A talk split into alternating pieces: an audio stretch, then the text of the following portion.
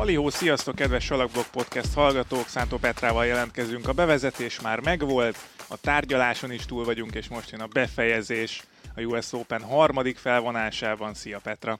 Sziasztok, üdvözlök mindenkit, szia Bálint!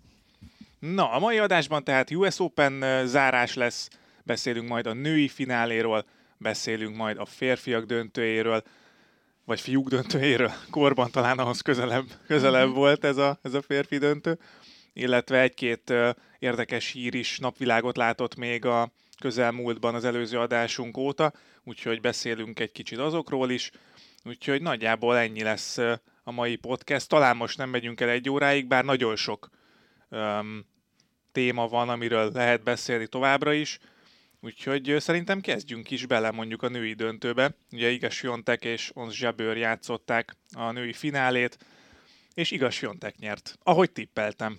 Nagyon-nagyon ügyes vagy. Százból egy.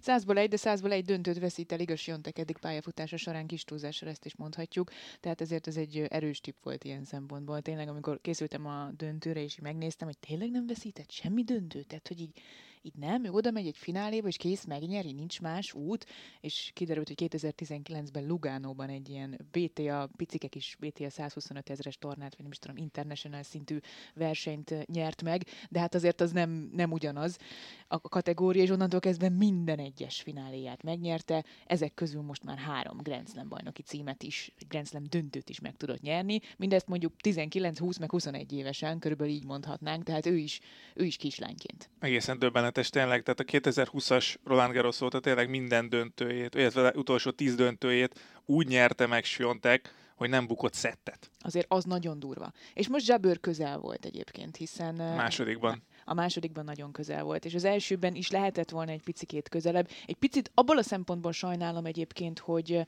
hogy Jabőr azért tud ennél jobban játszani, mint Igen. ahogy játszott másfél szetten keresztül. Nagyon tetszett az, ahogy, ahogy végül aztán kicsit talán dühből, de fel, felhúzta magát, és csinált egy jó második szettet, vagy ő is csinált egy, egy jó második szettet, és így talán azt mondhatjuk, hogy, hogy méltó döntő volt, és izgalmas volt, és jó színvonalú is volt, főleg nagyon izgalmas volt a vége, de úgy megnéznék egy igazán jó zsebört, egy igazán jó Sviontek ellen, és remélem, hogy látunk majd még ilyen Valószínűleg fogunk, mert, mert ebből csak tanulni fog zsebör. Tehát beszéltünk ugye arról az előző adásban, hogy hogy Zsebőr azt mondta Wimbledon után, hogy nem állt még készen, és majd, majd talán most, ugye te azt mondtad, hogy, hogy most már azért ott vannak benne már azok az élmények, meg érzések, amik, amik elvihetik egy Grand Slam trófeáig, de ez nem feltétlen biztosíték, hogy most az elsőt elbuktad, akkor a másodikat megnyered. Lehet, hogy kell neki még egy. Lehet, hogy ennyi elég volt. Tehát, hogy ez egy folyamat, amit, amit, amin végig fog menni Onzsebőr, és, és valószínűleg el fog jutni azért Grand Slam trófeáig, vagy van, van esélye bőven arra, hogy eljusson. De, de beszéljünk egy picit Sontek játékáról, mert, mert tényleg ez az elmúlt tíz döntő, ahogy itt most feldobtuk, ebben a döntőben is az volt tapasztalható, hogy nem, nem, azért nem játszott olyan nagyon jól Siontek, és erről beszéltünk szintén korábban, hogy úgy nyerni Grand Slam tornát, hogy, hogy nem játszasz jól, az azért nagyon sok mindent elmond egy játékosról, hogy ez, erre is képes vagy. Ez így van, szerintem nem csak a döntőben nem játszott önmagához képest tökéletesen Siontek, hanem az egész US Open Series-ben, és az egész US Open-en küzdött. Sokszor elmondta, hogy, hogy a labdákat nem érezte, hogy nem szerette ezt a labdát, de, de alkalmazkodni tud, javulni tud pontról pontra, mérkőzésről mérkőzésre, fordulóról fordulóra, mindig akkor tudja elővenni a legjobb teniszét, vagy a szükséges Közel a legjobbjához. Közel a legjobbjához, ami a győzelemhez kell, amikor kell. Igen, én erre, erre gondoltam meccs közben, vagy amikor néztem a, a döntőt, hogy, hogy majd itt azt fogom mondani, hogy a két játékos közül Siontek volt az, aki közelebb tudott játszani a legjobbjához, és ez döntött, szerintem. Ez így van, ez így van.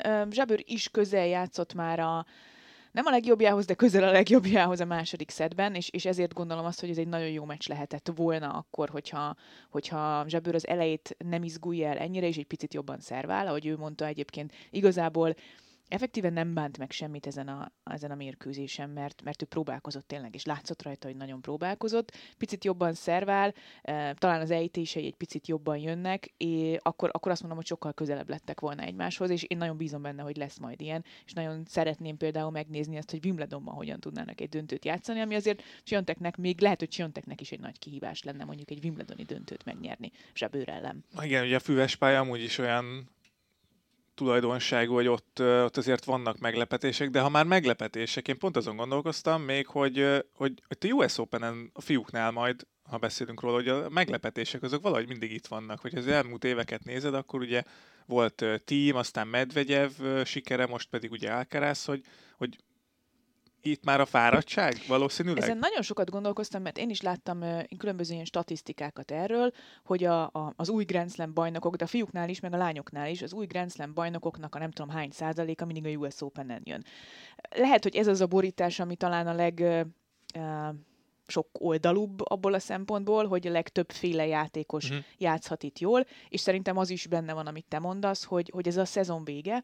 Itt azért már az igazán nagy teniszezők, ha rendesen meghúzták, ha kinyerték magukat a szezonban, kevésbé koncentrálnak, kevésbé felkészültek fizikailag, és ezért talán itt még van egy utolsó esély azoknak, akik még bírják, és, és kifognak itt a legesleg végén még egy jó formát. Biztos, hogy a szezon vége is közrejátszik. Szerintem ez, ez, ez benne van a pakliban. De ha megnézed a lányokat is, azért azért itt nyert egy Bianca Andreescu, nyert 18 évesen uh, Naomi Osaka, ami nem, utólag nem olyan nagy meglepetés, de akkor azért meglepetés volt, egy Flavia Penetta, egy csomó olyan, olyan Igen, meglepetés az... bajnok volt a lányoknál, ami, ami Tele Dukánról ne is beszéljünk. Hagyjuk, igen. A, amiről így egyáltalán nem az, hogy azt mondtad, hogy jó, hát neki kevés esélye van, nem, nem is soroltad föl a nevét, sőt, ja, Raducanu esetében konkrétan nem is nagyon tudtuk a nevét, mielőtt ugye feljutottak valiból a főtáblára, és bizonyos értelemben egyébként Siontek is ilyen volt, bár ő ugye első kiemelt világelső, de, de ő mondta maga te is, hogy nem bizonyított hogy nem, nem, kemény pályán nem. még, és, és ez, ezzel adós volt. Hát most, adós volt. most azért elég hamar bizonyított. Megkaptuk. Igen megkaptuk. Úgyhogy én élveztem ezt a döntőt egyébként, meg szerintem nagyon, két nagyon jó fej lány játszott egymás ellen, akik tényleg ahogy elmondták a, a díjátadón is egymásról, meg aztán saját magukról, hogy valamennyire példaképek szeretnének lenni. És szerintem ez legalább olyan fontos, mint hogy ki hány Grand Slam tornát nyert meg, vagy ki hány Grand Slam döntőt veszített el. Mert hát Zsebőr már most az már, gyakorlatilag már hazájában biztos. Az teljesen egyértelmű, és két Grand Slam finálé, amit elveszített, az, az biztos, hogy nagyon fáj, ez most nagyon szúr. Nagyon tetszett az a, az a kép, a, láttam Twitteren, hogy még ugye a diátadom még ő igazgatta Sionteknek a kis kabátját, hogy jól álljon a fényképeken, meg minden, és ott tényleg tök, tökre összeszedte magát, és, és nagyon, nagyon korrektül, szépen viselte ezt az egészet, és aztán bement az öltözőbe, és jöttek a fényképek, hogy csak leült a lépcsőre, és így elkezdett zokkogni, és az edzője meg a férje ülték körül, és, és mondták neki, hogy hát nincs, nincs mit bánni, meg mindent megtettél, de, de tényleg annyi mindent elmondott azért az a kép, vagy ez a két kép, hogy, hogy ő milyen ember. Igen. Úgyhogy bízom benne, hogy neki is összejön majd. Igen, amikor ott van az ember, akkor nagyon-nagyon szeretné azt a sikert, és, és nem tud távlatokban gondolkodni akkor abban a helyzetben, szituációban, hogy oké, okay, 20-as éveim közepén vagyok, biztos, hogy lesz még esélyem, hogyha így játszom, és tudom magamról, hogy így játszok, és, és meg lesz a, az a lehetőség, amire nagyon várok, de akkor az ott nagyon, nagyon melbe tud vágni. Az biztos. Az biztos, hogy így van. Úgyhogy uh, szerintem jó kis női torna volt ilyen szempontból, és, Abszolút. és igaz Jontek azt hiszem, hogy teljes mértékben méltó utódja Esbártinak. Ha már Esbárti, akkor hoppá, mert mm. hogy uh, uh, ne felejtsük el a, hoppá? a hoppát, mint múltkor. Igen. Úgyhogy ezzel adósak maradtunk. De ha már uh, Siontek és Bárti, ugye Siontek lett Bárti utódja a világ elsőségben, amikor Bárti uh, visszavonult, vagy uh, a bajta. Úgyhogy uh, én Siontekről hoztam egy, egy hoppát, hogy és ha ránézel a, a VTA világranglistájára, akkor Sionteknek annyi pontja van, hogyha összeadod Zsebőr és Kontavet pontjait, akkor sincs meg Siontek pontszáma. Az igen. Tehát Siontek úgy áll az élen, hogyha a második és harmadik helyezett pontszámát összeadjuk, akkor sem érnék utól. Ez nagyon kemény. Tehát, hogy ez annyira hoppá, hogy van, hihetetlen. És, és 6000 is ér el zsábbőr, tehát ez döbbenetes. A fiúknál ugye arról beszéltünk, hogy, hogy ilyen 10 pontokkal van Nadal Rüd mögött uh-huh, a harmadik uh-huh. helyen, azt uh-huh, hiszem. Uh-huh. De hogy nem 40-nel, de hogy most ez lényegtelen, itt meg 5000 ponttal van lemaradva a második, tehát akkora a fölényes Jonteknek a világranglistán. E, Nyilván, egy olyan zsebőrrel szemben, aki maga is két Grand Slam döntőt játszott. Igen, és azért, igen, ja, Wimbledon azt per, vegyük, bocsánat, ugye, bocsánat, ezt vegyük ki, de hogyha még azt is hozzáadjuk, akkor is döbbenetes a lemaradás. Lenne, tehát ez a 3000 pont mondjuk, hogyha azt hozzáadjuk nagyjából, vagy te érzed egyébként, hogy ekkora különbség van Siontek és Zsabőr között, még akkor is, hogyha itt most a pontszámításban vannak anomáliák? Szerintem... Mert azért Jabber szerintem szerintem nagyon szorosan ott van Siontek mögött. Nyilván Sionteknek van két Grand Slam bajnoki címe, az számít. Ő neki volt ez a 37-es győzelmi sorozata, ő nyert meg mindent, de Zsabőr azért nagyon sok helyen ott volt, vagy a döntőben, vagy megnyerte a másik tornát, vagy nem tudom. A, hát ugye megint arról beszélünk, hogy, hogy mi, mi a tenisz. Van a játék, a maga a, a képességeid, a, a technikád, és van a mentális része. És szerintem a, ha játékban ott is van Siontekkel, a mentális oldalán a játéknak Sionteknek megvan ez a, ez a több ezer pontos előnye. Értem, értem, amit mondasz. Lehet, hogy egy kicsit a maga a US Open döntő is ezt vetítette le. Mert hogyha. Siontek mondjuk megcsinálja a, azt a három bréklabdát ott a második szett hát voltak, közepén, igen és mondjuk 6-2-6-2-re nyeri a döntőt, akkor azt mondjuk, hogy jó, ekkora különbség van. Kicsit megmutatta Zsábör, hogy nincs ekkora különbség a második játszmában, ő is volt két labdára attól, hogy döntőszet legyen, de, de valahogy mégis jöntek az, amit, amit te mondtál, hogy, hogy, hogy amikor mentális dolgokról van szó, akkor azért ő viszi el a pálmát. Igen, és ez a 20-as évei legelején, legelején ez, ez nagyon durva, hogy, hogy, hogy ennyire tudatosan Ugye beszéltetek is róla az adásban, hogy sportpszichológussal dolgozik együtt, és... Utazó sportpszichológussal. Utazóval, igen. Nem arról van szó, hogy karácsonykor beszélgetünk két órát, és akkor a következő szezonra én jól leszek, hanem az a lány, az, az ott van vele minden versenyen, ugyanúgy, mint az edzője, és el tudom képzelni, hogy ugyanakkor a szerepet játszik, mint amit Hát vagy, ahogy most ezt, vagy ha ezt a döntőt most megnézzük, akkor, akkor lehet, hogy, hogy még nagyobbat is. Uh-huh. Uh-huh. Ez egyébként lehet, hogy egy, egy jó példamutatás abból a szempontból a többi játékosnak is, és Zsabőr is most már pszichológussal utazik, vagy mhm. legalábbis a US Open-re már pszichológussal jött el, és lehet, hogy példát vesznek Siontekről egyre többen, mert, mert azért láttunk az elmúlt időszakban olyan teniszezőket, akik a játékuk alapján azért bőven lehettek volna többszörös Grand Slam bajnokok, vagy még többszörös Grand Slam bajnokok, és akkor most itt nagyon-nagyon zárójelben csak Naomi Osakát említem meg, akinek lehet, hogy sokkal súlyosabb mentális problémái vannak, amit egy sportpszichológus meg tud oldani, tehát az már egy, az már egy komolyabb, mondjuk lehet, hogy klinikai eset akár, és, és nagyobb vagy fontosabb kezeléseket igényel, de a legtöbb fiatal lánynál azért az, hogy, hogy, hogy 21-két évesen belecsöppensz ebbe a cirkuszba, és, és meg kell felelned egy csomó mindennek úgy, hogy közben a, a közösségi média, meg, meg minden, minden lépésedet, minden mozdulatodat, minden hajszáladat figyeli, az nem lehet egy nagyon könnyű dolog. És lehet, hogy hosszú távon egyébként ebbe az irányba megy el, nem csak a női, hanem a férfi tenisz is, hogy, hogy ezeken a fiatal tehetségek mellé kell valaki, aki, aki mentálisan próbálja őket egy picit irányítani, guide Igen, mert, mert ez tényleg beszélt, baj, fogunk beszélni Alcaraz esetében is erről minden bizonyal, és talán át is kanyarodhatunk a, a férfiak versenyére, vagy döntőjére, mert hogy ha már mentális dolgok, akkor még a döntő előtt beszéljünk egy kicsit Zverevről, mert neki most előjött egy újabb komplikációja a, a lábával, ugye őt műtötték a bokájával, és és most csontödémája van, ha jól, jól olvastuk. Igen. És emiatt minden bizonyal kihagyja majd a 2022-es év hátralevő részét.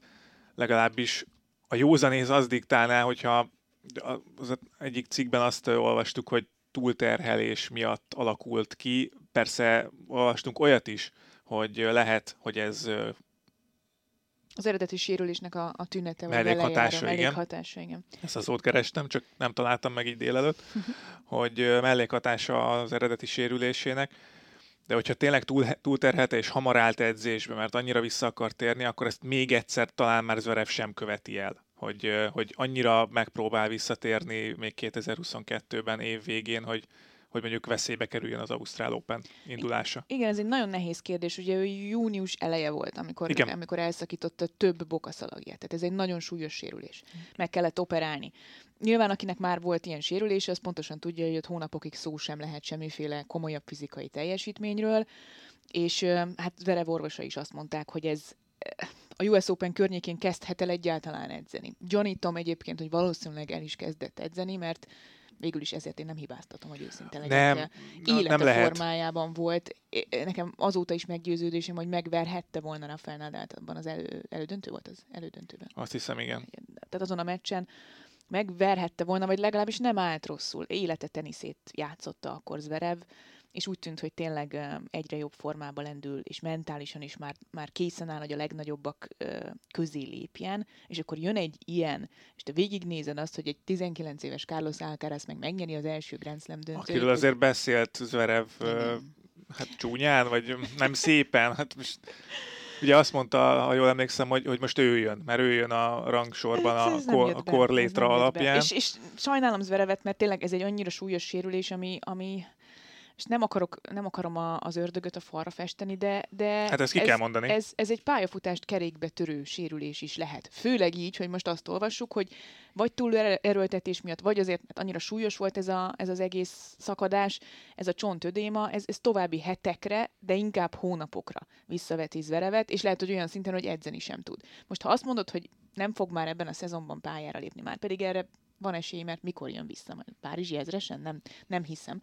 Um, akkor, akkor majdnem egy majdnem egy teljes szezon kimarad Zverevnek. És azt Igen. láttuk, azért láttuk teljes, Dominik teljes címet, kemény pályás szezon mondjuk így. láttuk Dominik címet, láttunk jó pár olyan játékost, aki erre, ereje teljében ö, nagyon megsínlett egy ilyen körülbelül egy éves kihagyást. És ez nagyon-nagyon sokat számíthat és jelenthet. Arról nem beszélve, hogy nyilván egy ilyen bokaszalag szakadás, az miután meggyógyul, utána azt eredményezi, hogy sokkal gyengébbek maradnak a szalagok, és sokkal jobban rá lehet sérülni. De tényleg nem akarom nem akarom ilyen Hát ez igen, ez veszélyes Zverevet, sérülés nagyon de minden ez egy- szempontból. egy nagyon-nagyon, igen, ez egy nagyon rossz hír ilyen szempontból, és hát Zverevnek így azért, hát az, hogy most ő következik, ez, ez, ez nagyon-nagyon csúnyán kitolódott szerintem.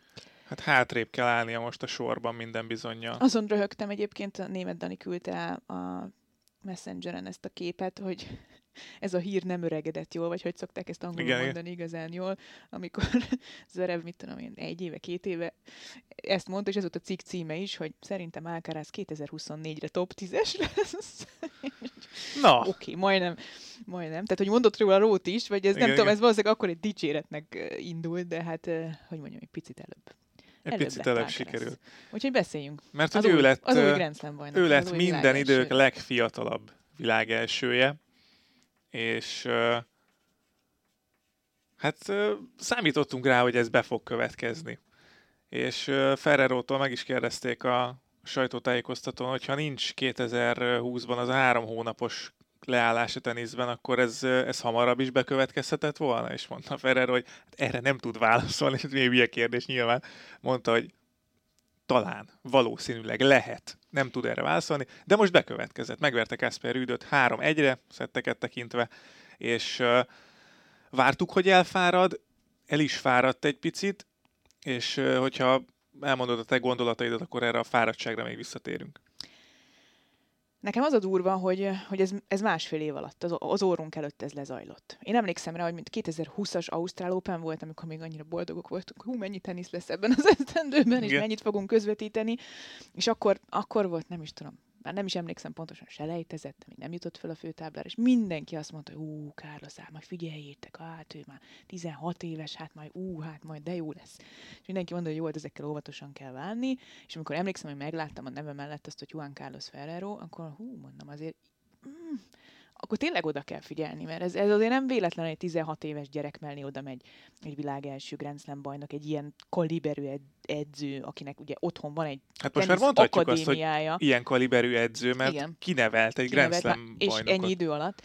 És, és, és én Ferrerről úgy tudtam, hogy ő, ő, ő, ő nem akar szerepelni, nem akar rivaldafény, nem akar sztáredző lenni, neki van egy kis akadémiája, a fiatalokat szeretné, és hogy ő nem mozdul ki Spanyolországból, hát azt, hogy ő ezt meghúzta, hogy innentől kezdve, majd erről is beszélünk, hogy, hogy milyen korán odaállt és beleállt ebbe a, abba a csapatba, az, az mennyit jelent, de ez már nagyon sokat mondó volt. Szóval igazából a, a nyitó gondolatom az az lett volna, hogy az a durva, hogy ez másfél év alatt Igen. eh, másfél év alatt jutottunk el odáig, hogy, hogy, hogy 2020 eh, elején még sokan Alcatraznak mondták, mert ugye az egy Igen. ismertebb szó, mint az, hogy Alcaraz, és hogy így tanítgatta nekem is a, a Stónia Köves Gábor, hogy, hogy Alcaraz, és akkor azt nem kell, nem áll zének kell mondani, mert a spanyolok spanyolok nem, zét az esznek mondják Tudod, picit így, Carlos Sainz. aranyos ez a kisgyerek, tényleg olyan spanyolos, meg hú, de üt, meg milyen erős, és így itt vagyunk 2022-ben, szeptemberben, és világelső, és Grand Slam bajnok, és nem tudod, hol lesz a vége, nem tudod, hol a határ, és, és amit te is mondtál,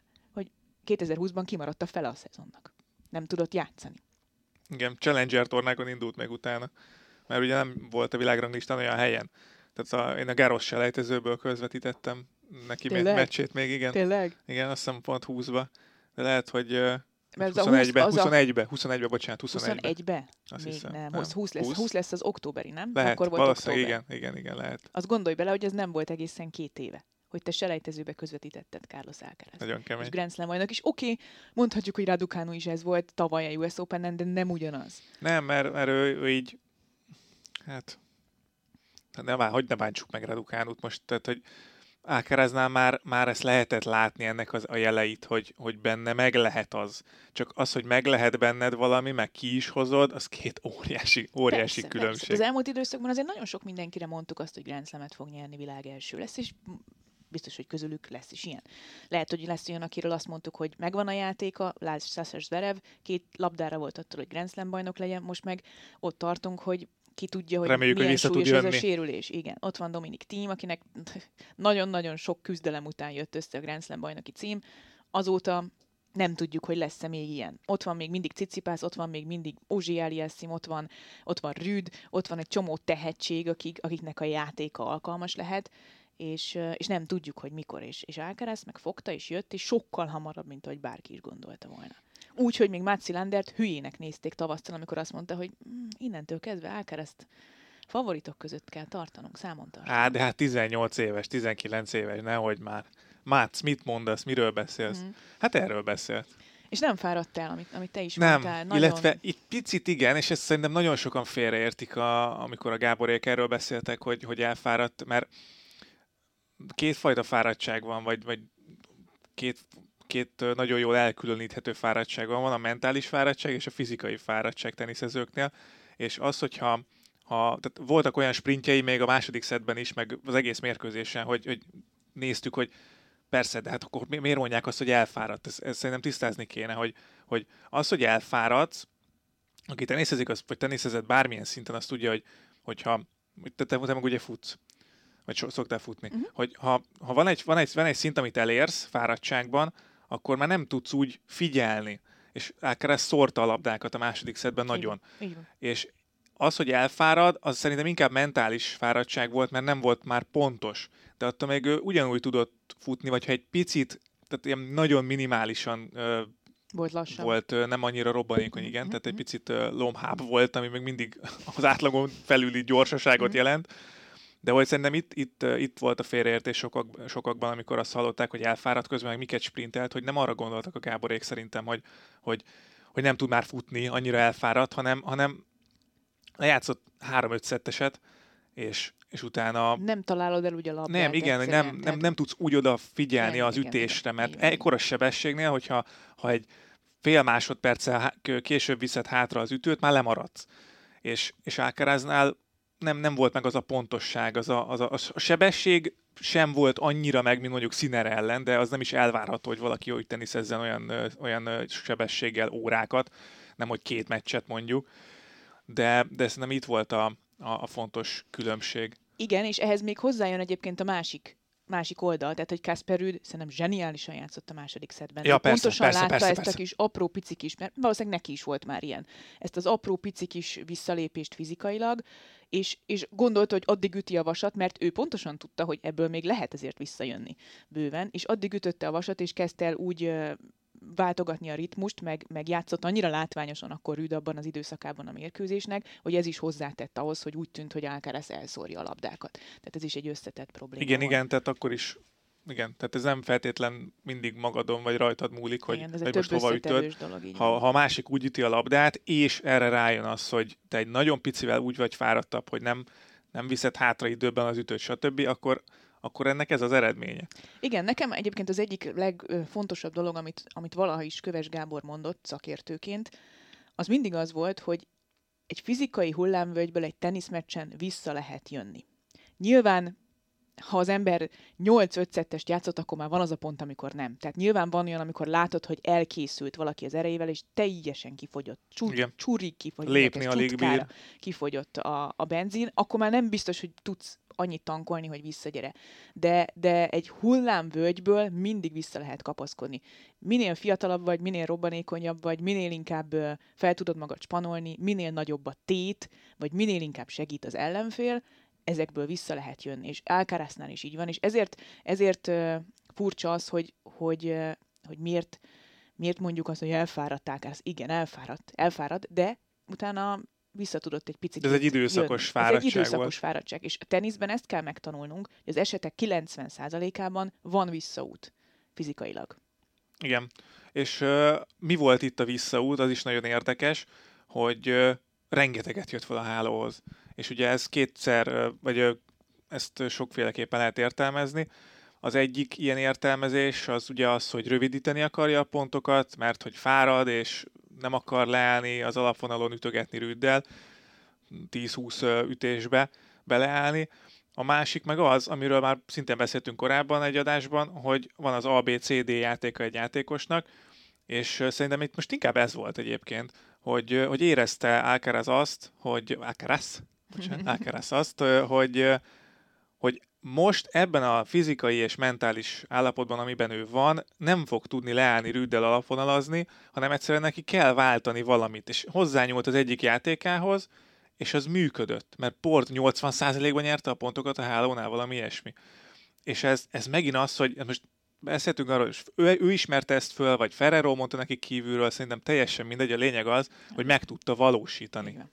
Így van, ez egy, ez egy nagyon fontos kulcsmondat szerintem, mert egyrészt mutatja azt, hogy mennyire összetett játékos már most Alcaraz, mennyire komplett játékos, és nagyon sokszor mondjuk azt, és ránézünk egy állásra, vagy egy, egy játékosnak a, a fizikai állapotára, és azt mondjuk, hm, szervaröptézni kéne ez lenne. De nem mindenki tud szerveröptézni. Hát igen. Sőt, a top 100-ból azt mondom, hogy vannak 10-15-en, akik ezt meg tudják azon a sebességen, amivel Kasper Rüd megkínálta Alcarazt, egy Grand Slam döntőben azt tudják mondani, hogy jó, akkor én előre megyek szervaröptézni, mert tudok szervaröptézni. És ez nagyon-nagyon kevesekről mondható el, gyakorlatilag olyanokról, akik Grand Slam bajnokok lettek előbb vagy utóbb, vagy világelsők lettek a fiúknál és, és Carlos Alcaraz tud szervaröptézni, ami valami elképesztő dolog szerintem ennyire fiatalon. Tehát neki nem volt az benne, hogy ú, szervaröptézni kéne, de mi van, ha nem jön össze. Mint a, azoknál, amikor, akik amikor fáradtan elkezdenek ejteni, amikor ejtegetni, de nem tudnak ejteni. valamihez, az, most ez ne, erre nem ez nem, nem volt. Tehát ez nem egy ez tudatos B-terv volt, és a B-terv az majdnem ugyanolyan hatékony, mint az A-terv, sőt. Igen, ez is nagyon sőt, fontos mondat. Tehát e, ez szerintem, és, és itt, itt válik el az, hogy miért lett ő Grand Slam bajnok és világelső, mert az A meg a B terv, és lehet, hogy ha kellett volna egy C terv, az is nagyjából 90%-osan hozható lett volna egy olyan fizikai állapotban is, amiben volt Alcaraz, ami nem tudom, 81 százalékos, nem tudom, a 19 évesek hogy bírják a, az ötszettes meccseket, valószínűleg jobban, mint mi valószínűleg jobban is regenerálódik, el tudom képzelni, hogy, hogy vannak olyan emberek, akik ilyen szerencsésebbek, hogy, hogy én például nem vagyok az a másnapos típus, képzeld el. Tehát, hogy... Ezt is hagyjuk szerintem. Tehát, hogy ez egy szerencsés tulajdonságnak értékelem, hogy én, én, én másnap általában jó vagyok, akármennyit iszom. Ez egy tök jó dolog, valószínűleg a véremben igen, tudom, ez, hamarabb el, nem igen, tudom, ez, hogy ezt mondjuk irigylem. De, de, Alcaráznál ez nem egy olyan nagy pozitív tulajdonság, de Alcaráznál viszont egy nagyon pozitív tulajdonság lehet hosszú távon, hogy ő lehet, hogy részben a fiatalsága miatt, részben azért, mert nagyon tudatos munkát, fizikai munk, felkészítő munkát végeztek, vagy részben azért, mert tudja variálni a játékát, egész egyszerűen jobban vissza tud jönni az ilyen nehéz helyzetekből hosszú távon. Igen, erre, erre majd később fogunk választ kapni szerintem, hogy, hogy ez hogy, hogy történt az, hogy, hogy tényleg nem fáradt el. Oké, okay, azért régen volt Nadal is 19 éves, tehát én mondjuk nem, én mondjuk nem emlékszem már annyira arra az időszakra, hogy Na jó, hogy de Nadal, Nadalnál még ezt láttad uh, idén is. Tehát, hogy a, igen, igen, igen. Tehát, hogy a, mondjuk ha az Ausztrál Open döntőt nézzük, ott Ott azért, is el kellett ott volna azért, fáradnia. ott azért, ott is el kellett volna fáradnia. Sőt, ott már talán az előző mérkőzésén Igen. is volt olyan pillanat, Hát amikor azt Sapovalov mondtad, ellen, hogy Sapovalov ellen már úgy, úgy fáradt el, ahogy beszéltük, hogy lépni, Lépni alig nem bír, tudott. tehát rosszul volt Igen. gyakorlatilag, hőgutát kapott. Igen, igen. És, ö, és valahol ő is talált egyet, tehát el tudom képzelni, hogy, hogy ez is egy... Ez egy spanyol ez dolog. egy, lehet, hogy spanyol dolog, lehet, hogy ja, igen, A spanyolok nem fáradnak lehet. el. Majorkán, még Murciába kell születni, és akkor az ember úgy... Igen. Igen. Szóval nekem ez, ez szerintem ez volt a kulcsa ennek a döntőnek, és ezért lett Grand Slam bajnok és világ első Alcaraz, és ezért mondhatjuk jelen pillanatban azt, hogy ha minden jól alakul, és elkerülik a sérülések, vagy az olyan súlyos sérülés, mint amilyen mondjuk Zverevet vagy tímet érte az elmúlt időszakban, akkor, akkor ebből valami nagyon nagy lehet. De nyilván még mindig félve mondott ki ezt, mert, mert egy első Grand Slam bajnoki cím után megszerezni a következőt, vagy átvenni a, a, az uralmat és a dominanciát, az, az egy nagyon nehéz dolog. És Na, nagyon sok mindenem múlik az, hogy ezt hogyan kezelik majd most a következő napokban, hetekben, hónapokban. Igen, és hogy kivel kezelik. Mert ugye Juan Carlos Ferrero ö, szerepéről szerintem mindenképpen érdemes beszélni, hogy ö, van egy tehetséges játékos, van egy edző, mennyi múlik az, edz, mennyi, mennyi múlik az edzőn, hogyha egy ilyen tehetség van a, ké, a, a kézben vagy a közelben, mennyi, mennyi, mennyi munkája van ebben Ferrerónak szerinted? Hát szerintem a munka legnagyobb része az valószínűleg az volt, Hogy milyen, hogy milyen a munka, igen. A munka miensége, mi, mi, mi az, amit Ferrero ehhez hozzá tud tenni. valószínűleg egy olyan pillanatig kell visszanyúlni, ami, amit nem tudunk mi meghatározni, sem vették föl kamerák, senki nem tudja, lehet, hogy Ferrero sem emlékszik erre a pillanatra, de hogy ő mikor látta először Alcarazt játszani, és mikor mondta azt, hogy erre a gyerekre figyeljünk. Tehát, hogy ő biztos, hogy sokkal korábban, mint, mint valaha bárki, akár nem tudom, Alcaraz szülei gondolták volna, hogy, hogy ebből a gyerekből mi lehet. Amikor Ferrerónak így egyszer csak így el tudom képzelni, hogy meglátta. jól emlékszem, 15 évesen jut, került a, a, a- az akadémiájára. Igen? Hát akkor valószínűleg akkor. De Vagy lehet- már azért került oda, mert már látták egy hátsó külső pályán játszani, és azt Simán mondták, lehet. hogy gyere ide az akadémiára, vagy bekerült az akadémiára, és, és azt mondták, hogy húha, húha. Mikor volt az a pillanat, amikor Ferrero azt mondta, hogy na ő, és mikor volt az a pillanat, amikor Ferrero azt mondta, hogy én akkor utazó edző leszek, és én ezt a gyereket, én, én, nekem ez lesz a fő állásom, és nem az, hogy a, irányítsam a, Igen. nem tudom, a pályabeosztást az akadémiámon, meg, meg keressek minél több gyereket, hogy hozzám járjon, hanem azt mondta, hogy jó, akkor én ezzel a gyerekkel fogok foglalkozni. Mert valószínűleg az volt az a pillanat, amikor eldőlt, hogy, hogy, hogy Ferrero felismerte. És az biztos, hogy azt jelenti, hogy Alcaraznak volt egy olyan alaptehetsége, amivel érdemes volt foglalkozni. Ez még mindig nem garancia sikerre, de én azt gondolom, vagy azt látom így az elmúlt időszakból, hogy az mindenképpen garancia lehet valamilyen szinten, hogyha valakihez tényleg ennyire fiatalon kerül oda egy ilyen edző, és nem csak, hogy ő tanít meg téged teniszezni, de megtanít versenyezni, és, és elvezet ezen a nagyon nehéz úton, ami a, a junior teniszezők profivá válásának egy rendkívül nehéz folyamata, ne rendkívül nehéz egy-két éve, mert nagyon sokszor halljuk azt, hogy junior világ első volt, junior Grand Slam bajnok, és aztán nem és aztán megáll a és tudomány. megáll a tudomány, hanem hogy, hogy te elkezded egy junior játékossal, és ezt a junior játékost előbb hozott fel ATP szintre, mint ahogy kellene a- kora alapján, Uh-huh. és te meg tudod hozni ezt a döntést, hogy ez nem korai, mert tud annyit. Yannick Sinner, ilyen, Coco Gauff, tehát hogy ezek a játékosok, akik, akik 16-17 évesen megérettek arra, hogy elkezdjék a profi pályafutásukat, de ez csak akkor lehet, hogyha egy ilyen csapat van mögötted. Igen, ez, ez, ez ilyen, szinten, ilyen szinten csapatmunka a tenisz, vagy csapatjáték, de mondjuk én azon is gondolkoztam, nagyon sok mindenre nem jutottam ezzel kapcsolatban, csak így felvetés szintjén, hogy a, talán a, a teniszben fordul elő leginkább, vagy leggyakrabban, hogy egy volt játékos jó edző is. Tehát ott, ott tudsz talán a legtöbb uh-huh. olyat mondani, és nyilván a focival gondolkoztam, de hogy nem minden játékos jó edző, de az ugye csapatjáték, az egy picit uh, fals, de, de, de, de most így Az gondolkoztam, hogy más edzőség, mint, más- mint egy egyéni igen, sportágban. az egyéni sportákban sem nagyon van szerintem ennyi jó volt játékos edző. Igen, ez szerintem Becker, egyébként... Lendl nevét, ha Én azt említjük. gondolnám, hogy most legyünk nagyképűek abból a szempontból, hogy a, a tenisz azért alapvetően egy intellektuális sport. Ott azért nagyon magas szintre csak akkor juthatsz, ha van, van valami sütnivalód. Egyedül kell döntéseket hozni, megoldani a pályán. az, abból nem lesz Grand Slam bajnok, aki csak ütni tud. Ez, ez, kér, ez kétségtelen. Tehát gondolkodni kell. És, és az, azt látom, hogy, hogy nagyon sok olyan játékos, aki most edzőként dolgozik, a, az okos, intellektuális, ér, nagyon összetett gondolkodású emberekből lesz ilyen. És Ferrero nekem már játékosként is ilyen volt egyébként, mert ő a Alcarazhoz képest azért korlátozott képességeivel is képes volt eljutni Grand Slam bajnoki címig és világelsőségig, ami szerintem egyébként azt mutatja, hogy ő nagyon jól gondolkodik így az életről.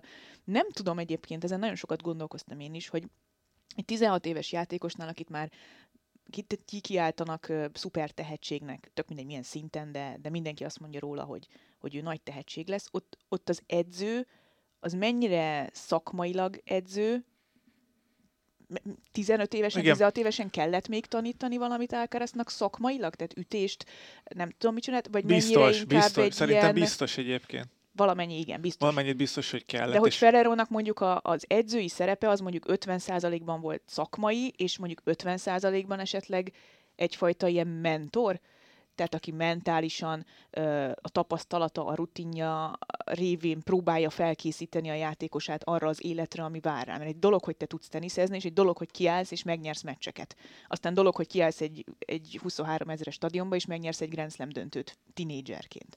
Tehát, hogy ezek, ezek olyan dolgok, ami, ami nem is csak is kizárólag a teniszen múlik. És szerintem Ferrerónak azt gondolnám én, hogy Ferrerónak ebben egy nagyon szép kiegyensúlyozott szerepe volt, hogy amellett, hogy kihozta a maximumot Alcaraz játékából 17 éves korára, úgyhogy oda lehetett rakni egy ATP mezőnybe. Még most is azt mondta, hogy a 60%-ánál tart a játékának Alcaraz. Na ez... úgyhogy na, igen, úgyhogy na, ezzel ez a maximummal ez azért még vigyázzunk, mert igen. Ferrero szerint ennél majdnem kétszer ilyen jól tud játszani, úgyhogy És nagyjából az lesz, mondja, hogy, igen, ez... nagyjából az lesz, hogy két pontot fog bukni mm. meccsenként Alcaraz, hogyha ebből még, még rátesz 30-40 százalékot.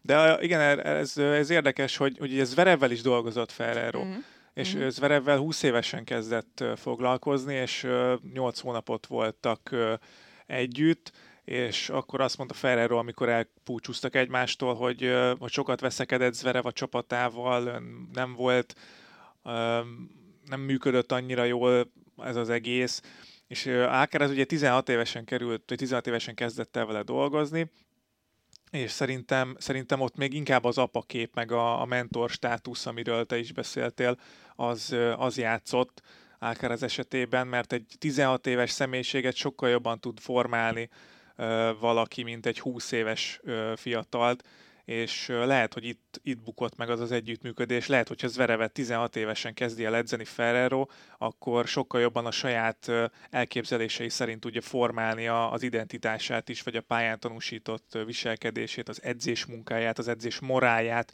sokkal jobban tudja monitorozni, fejleszteni, és Alcaraznál ez, ez megvolt, tehát ott a, a kezdetektől gyakorlatilag most nyilván 15 évesen már tud teniszezni az ember, hát ezt a sportot. Én 12 évesen kezdtem el játszani, és azt mondták az Egyesületnél, ahova mentünk, hogy akkor, akkor most kéne igazolt státuszba szeretnék játszani, mondták, hogy hát későn kezdtem el. Uh-huh. Tehát ezt három-négy évesen már elkezdik a, hát a profik. Igen. Én hat évesen kezdtem, hét évesen már kiderült, hogy... Uh-uh. felejtős, felejtős, igen.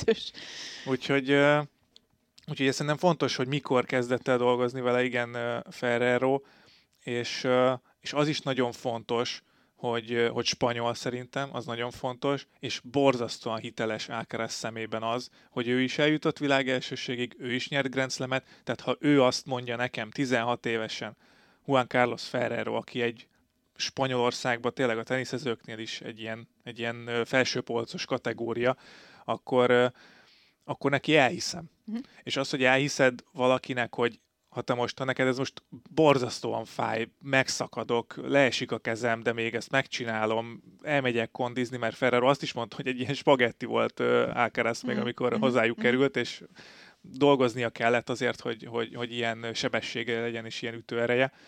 Tehát, hogy ezt, ezt elhidd valakinek, és megcsinálod, az nagyon sokat számít, főleg, tíz, főleg ilyen fiatalon, 16 évesen. Ez így van, teljesen egyetértek. Biztos, hogy Ferrero egy, egy képlékenyebb dolgot kapott a kezébe. Szerintem egyébként az is számít, hogy valószínűleg Alcaraz egy 16 éves koráig egy jobban nevelt ember volt. Igen, tehát, nyilván hogy, nem akarom lehántani a személyiségeket a két játékos között, de azért lá... tehát szerintem te is érzed az Verev és az Alcaraz féle alázat közötti különbséget, és Ferrero nem véletlenül kezdett el szerintem Zverevvel is dolgozni, mert látta 20 évesen benne, hogy ez egy ez egy, ez egy olyan alapanyag, amiből lehet valamit kezdeni. Komoly potenciál volt. Grand Slam bajnok. És, és, és, benne is van, hát Zverev két labdára volt tőle, lehet, hogyha nem sérül meg már Garros bajnok, nem tudom, nem biztos, de, de az kétségtelen, hogy egy nagyon nagy teniszező lett Zverevből már most, még akkor is, hogyha ha még a, az áttörés nem sikerült de, de el tudom képzelni, hogy, hogy Zverev azért 20 évesen már, már egy olyan kialakult, jóval fegyelmezetlenebb személyiség volt, amivel már nem lehetett mit kezdeni, hogy te is mondtad, hát de lehet, biztos. hogy 16 évesen is ez lett volna. Tehát lehet, nem hogy biztos, igen, de lehet, de nem biztos. Tehát, hogy 16 évesen már elkezd egy picit lázadni a, a tinédzser, 20 évesen meg már már, már makacsabb, és ott már tényleg, tényleg van egy kialakult én képe, igen, és, ez, és ez, nekem nem mondják meg, hogy ez, én hogy de csináljam. igen, Zverevnek olyan játékosok sem mondták meg, akik Federónál is több Grand Slam hát igen, címet szereztek. Igen, igen. itt jön hogy... az, hogy, hogy két különböző személyiségről beszélünk, tehát hogyha itt most tényleg laboratóriumi körülményekre bontjuk, akkor, akkor működhet ez, a, ez, a, ez az analógia, de de, de szerintem azért van jelentősége ennek is. Biztos, hogy nem véletlenül beszélünk egyébként ennyit Ferrerról az új világ első kapcsán, és nagyon kíváncsi vagyok rá, hogy a következő hetekben, hónapokban ezt hogyan tudják kezelni, hogy hogyan sikerül a következő szezon, az is vízválasztó lehet azért hosszú távon szerintem Alcaraz pályafutása szempontjából. Én nagyon bízom benne, hogy tényleg jó kezekben van, és, és nem, nem látjuk azt, amit mondjuk láttunk Oszakánál, vagy amit láttunk Radukánunál, mert, mert mondjuk, jó, Raducanu tényleg ne hozzuk párhuzamba. Oszaka azért volt egy akkora tehetség az első négy Grand Slam bajnoki címénél, amikor azt mondtuk, hogy jó, hát ebből lehet tíz is, mert úgy játszik kemény pályán. Na aztán ott teljesen más problémák mm, kiderültek, és, és egyáltalán biztos, hogy valaha fog még Osaka Grand Slam bajnoki címet nyerni. Alcarazznál is nyilván emiatt egy picit uh, félnünk kell, de, de az ember tényleg bizakodik, hogyha, hogyha ezt, ezt így meg tudták oldani 2020 és 22 között, akkor, akkor, akkor ebből talán nem lesz probléma. És ebből a szempontból nekem egyébként Andy Roddick eh, Twittere, Twitter üzenete tetszett a legjobban. Gratulált Ákeresznek, és mondta, hogy néhány héttel ezelőtt beszélgetett vele valami edzésen, és azt mondta, hogy pont olyan alázatos pályán kívül, mint amilyen szenvedélyes a pályán wow. Alcaraz. Tehát, wow. hogy ez így egy, ez egy nagyon-nagyon jó kombináció. Ez nagyon, igen, ennél talán nem is lehet jobb. Tehát azt mondta, hogy annyira szerény és tisztelettudó volt pályán kívül, pedig akkor Alcaraz már nagy sztár volt, tehát akkor már top 5-ös játékos volt, amikor Rodikkal találkozott, hogy, hogy ugyanazt érezte, hogy ez nagyon jó dolog, és ugyanazt érzi, hogy amilyen szenvedét, meg, meg, meg tényleg sokat beszéltek Gáborék arról a pontról. Igen, Szerintem a mosolygós. volt a mosolygós pont, és tényleg ez, ez is sok mindent elmond egy játékos. Aki nem lát esetleg csak azért mondjuk el röviden, hogy, a, hogy volt egy olyan pont, amit harmadik szett 4-4-30 mint, ha jól emlékszem, volt egy, egy, egy ilyen kritikus pillanat, és, és egy hosszabb uh, labdamenetet bukott el uh, Alcaraz, és hason feküdt már a végén, úgy, úgy nyújtózkodott a, a labdáért, és, és nem, nem sikerült egy, nem tudom, 40 centis autót ütött a folyosóra tenyeressel, és, és ott feküdt hason, és kinézett a, a csapatára, és elmosolyodott.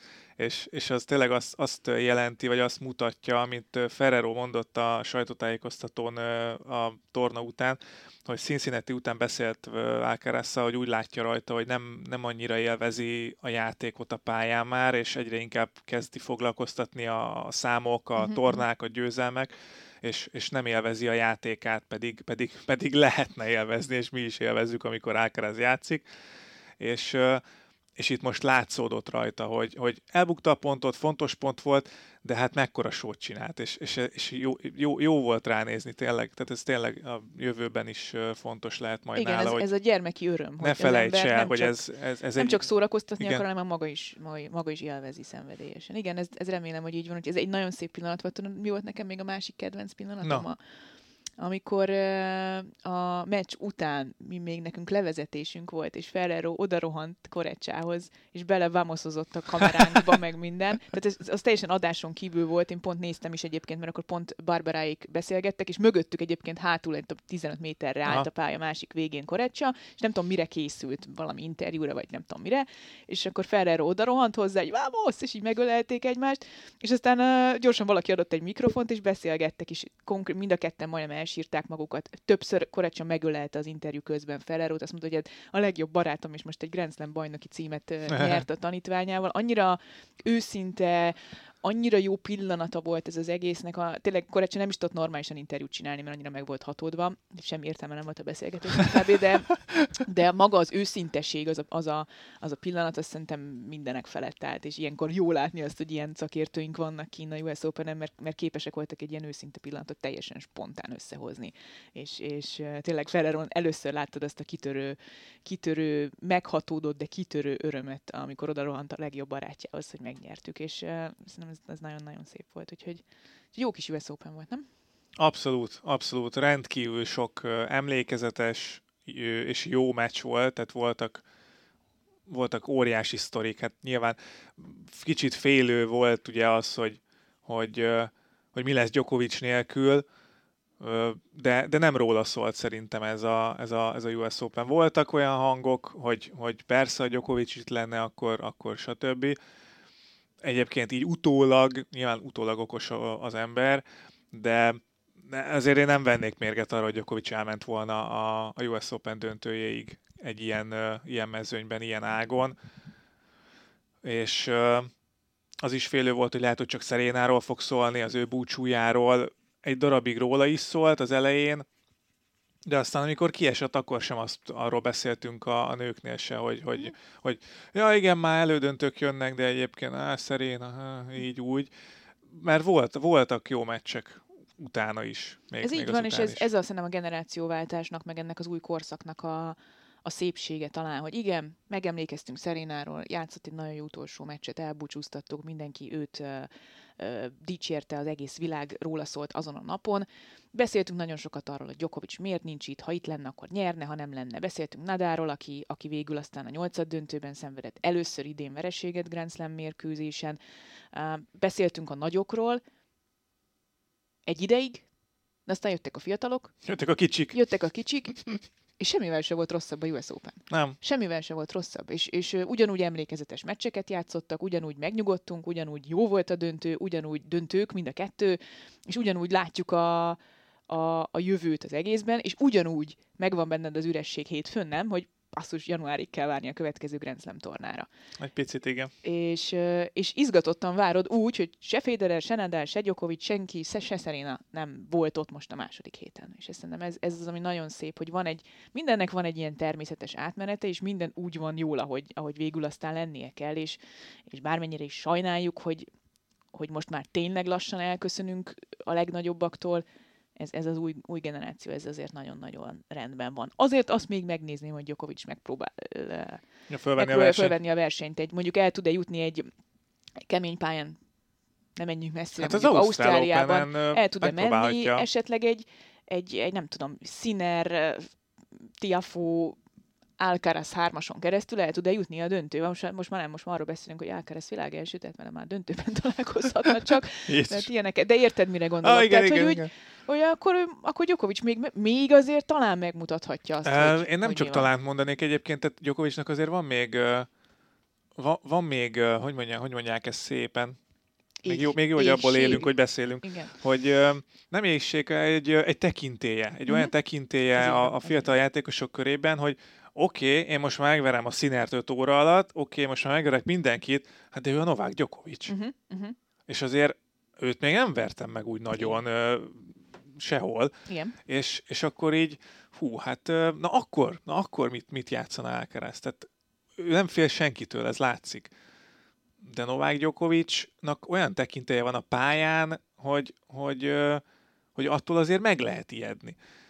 És oké, okay, hogy most, most ez a három év, amíg eljutott ide Alcaraz, hogy Grand Slam bajnok világ első lett, ez, ez, ez az út első szakasza.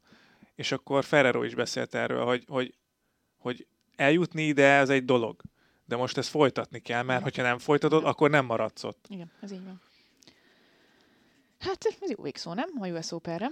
A US Open-re igen, viszont még ne köszönjünk el, mert akartam. hogy volt, volt még elkezdődött pár torna, például ha már hoppáztunk egyet, akkor hoppázhatunk még egyet. Eugenie Bouchard meccset nyert Csenájban, oh. ugyanis Csenájban játszanak a lányok. Na illetve, ő is egy jó példája annak, amiről beszéltünk. Igen, ő, ő például teljesen, tehát ő, ő, volt egy jó szereplése, Wimbledonban, és utána teljesen elvitte a hírnév, a pénz és a, a csillogás.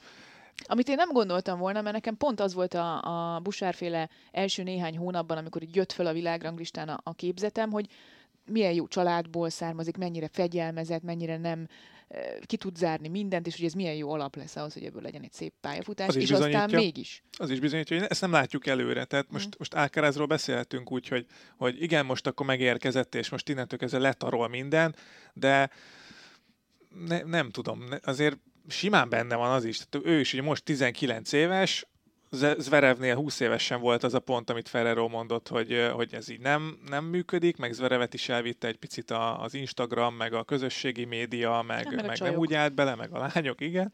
Most Alcaraznál is biztos, hogy lesznek ilyen, hát idézőjeles problémák, azért annyira ne sajnáljuk szerintem, de hogy ez hogy kezeli egy, egy 19 éves fiú, az, az nyilván kérdés, és, és ezt csak találgatni tudjuk. Szerintem ugye itt is itt nagyon fontos a családi háttér, itt nagyon fontos az, hogy, hogy Ferrero-nak milyen szerepe van az ő életében, mert hogyha Ferrero-nak eddig elhitte azt, hogy figyelj, én ezen, ugyanezen végigmentem, és tudom, hogy milyen, akkor neki el fogja hinni. Tehát a hitelesség Ferrerónál szerintem az az, az egyik kulcs Abszolút. kérdés. Abszolút. Na, de szóval akkor, Busár nyert egy meccset? Busár nyert egy meccset, de nem csak ő nyert meccset, hanem Bukarestben is van torna, ott pedig három magyar lány is rajthoz állt, mind a három ö, magyar lány ö, kiemelt, Bondár Anna, Udvardi Panna és Gálfi Dalma is kiemeltként játszik Bukarestben, és az első kört mind a hárman sikerrel vették. Bondár Anna szett hátrányból fordított Daria Astahova ellen, és nyert 4-6-6-3-6-3-ra. Udvardi Panna Krisztina Dinutól illetve Krisztina Dinut verte 7-5-7-5-re egy viszonylag nehéz mérkőzésen, 1 óra 46 perc alatt, és Gálfi Dalma pedig egy ausztrál ellenfelet vert meg 6-4-6-4-re, úgyhogy Hát itt kérdés lesz, hogy Annának sok pontot kell védenie itt az év második felében. Tavaly, nagyon tavaly itt egyébként. nagyon sokat játszott. És nyert is. És nyert is, igen. Úgyhogy az érdekes lesz, hogy ő hogy tudja megvédeni majd a, a pontjait, vagy hogy tudja megközelíteni azt, a, azt az eredményt, amit elért, és aztán, aztán kérdés még az év vége, hogy hogy, hogy alakul a, a többieknek. Ugye Pannának vagy Dalmának is összejöhet egy jó menetelés itt év végén simán. Hát szurkoljunk nekik, úgyhogy majd őket is figyelemmel követjük. Van még valami, amiről esetleg beszélnünk kellene, vagy ez, ez azért elég kimerítő? Szerintem rendben vagyunk.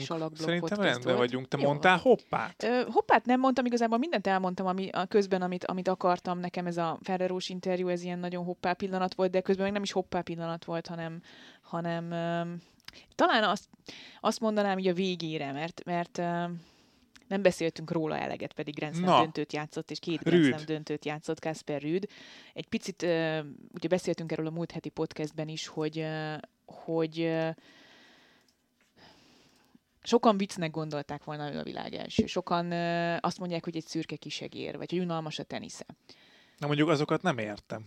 És nekem, én, én abba bízom, hogy valamennyire hoppá volt sok mindenkinek, amit látott Kasper Üttől a döntőben. Mert hogy egy jó meccset játszott a Norvég. Megmutatta azt, hogy nagyon látványosan, sziporkázóan tud teniszezni. Ő is tud a hálónál mindent. Fú, nagyon jó második voltak neki is. Azért tényleg második, harmadik szedben olyan látványos labdamenetek voltak, amik, amik, amik tényleg döbbenetesen jók voltak. Én, nagyon imádtam a Hacsanov elleni mérkőzését is, az 55-ös labdamenet szett labdánál, az, hogy, hogy ő is egy picit néha, hogy kimosolygott, pedig hát aztán Rüd végképp a fegyelmezett kategória kimosolygott, mert annyira élvezte, hogy milyen szépen, gyorsan teniszezik. Én remélem, hogy sok mindenkinek hoppá volt Kasper Rüd, és hogyha adott esetben ő nyerte volna a döntőt, mert mondjuk Alcaraz nem tudja összeszedni magát fizikailag, vagy a fontos pontoknál tényleg elizgulja magát, nem volt teljesen esélytelen Rüd egyébként ezen a meccsen, akkor, akkor azért sok mindenki azt mondta volna, hogy ez ugyanúgy megérdemelt világ elsőség és Grand Slam bajnoki cím, még ha nem is annyira hangos és látványos az ő karaktere, személyisége, előretörése. Lehet, hogy a teniszesen, mint mondjuk Carlos Alcarazé, de, de, de minden dicséretet megérdemel, mert az, hogy valaki két Grand Slam döntőt játszik egy évben, az, az óriási dolog ebben a mezőnyben. Bizonyám. Bizonyám már, hogy összeért ez a mezőny. Egy, egy idősödő Nadállal, egy eltiltott Djokovic, most hogy mondjam ezt. Tehát, hogy, hogy igen, igen. egy beutazási nehézségekkel küzdködő Djokovic-sal. Ja, szép, szép Igen. jelző. Igen, el, összeért, összeért, és egy ilyen mezőnyben két Grand Slam döntőt játszani, két különböző borításon, az azt mutatja, hogy Rüd is egy nagyon fegyelmezett, nagyon szorgalmas, nagyon tehetséges, és egyébként helyenként tényleg sziporkázóan és látványosan játszott. Hát és még mindig csak a tenyerese- 23 éves. a 24 tenyerese lesz. Nagyon jó. Így van, így van. És nagyon szimpatikus volt ő is a, a díjátadón. Egy, egy látszik, hogy egy, egy nagyon jól nevelt, csodálatos családban élő, nagyon-nagyon földhöz ragad, de mégis, mégis intelligens srác. Úgyhogy, úgyhogy, úgyhogy remélem ez hoppá volt sok mindenkinek. Így van. És reméljük, hogy jó volt ez a mai podcast is nektek.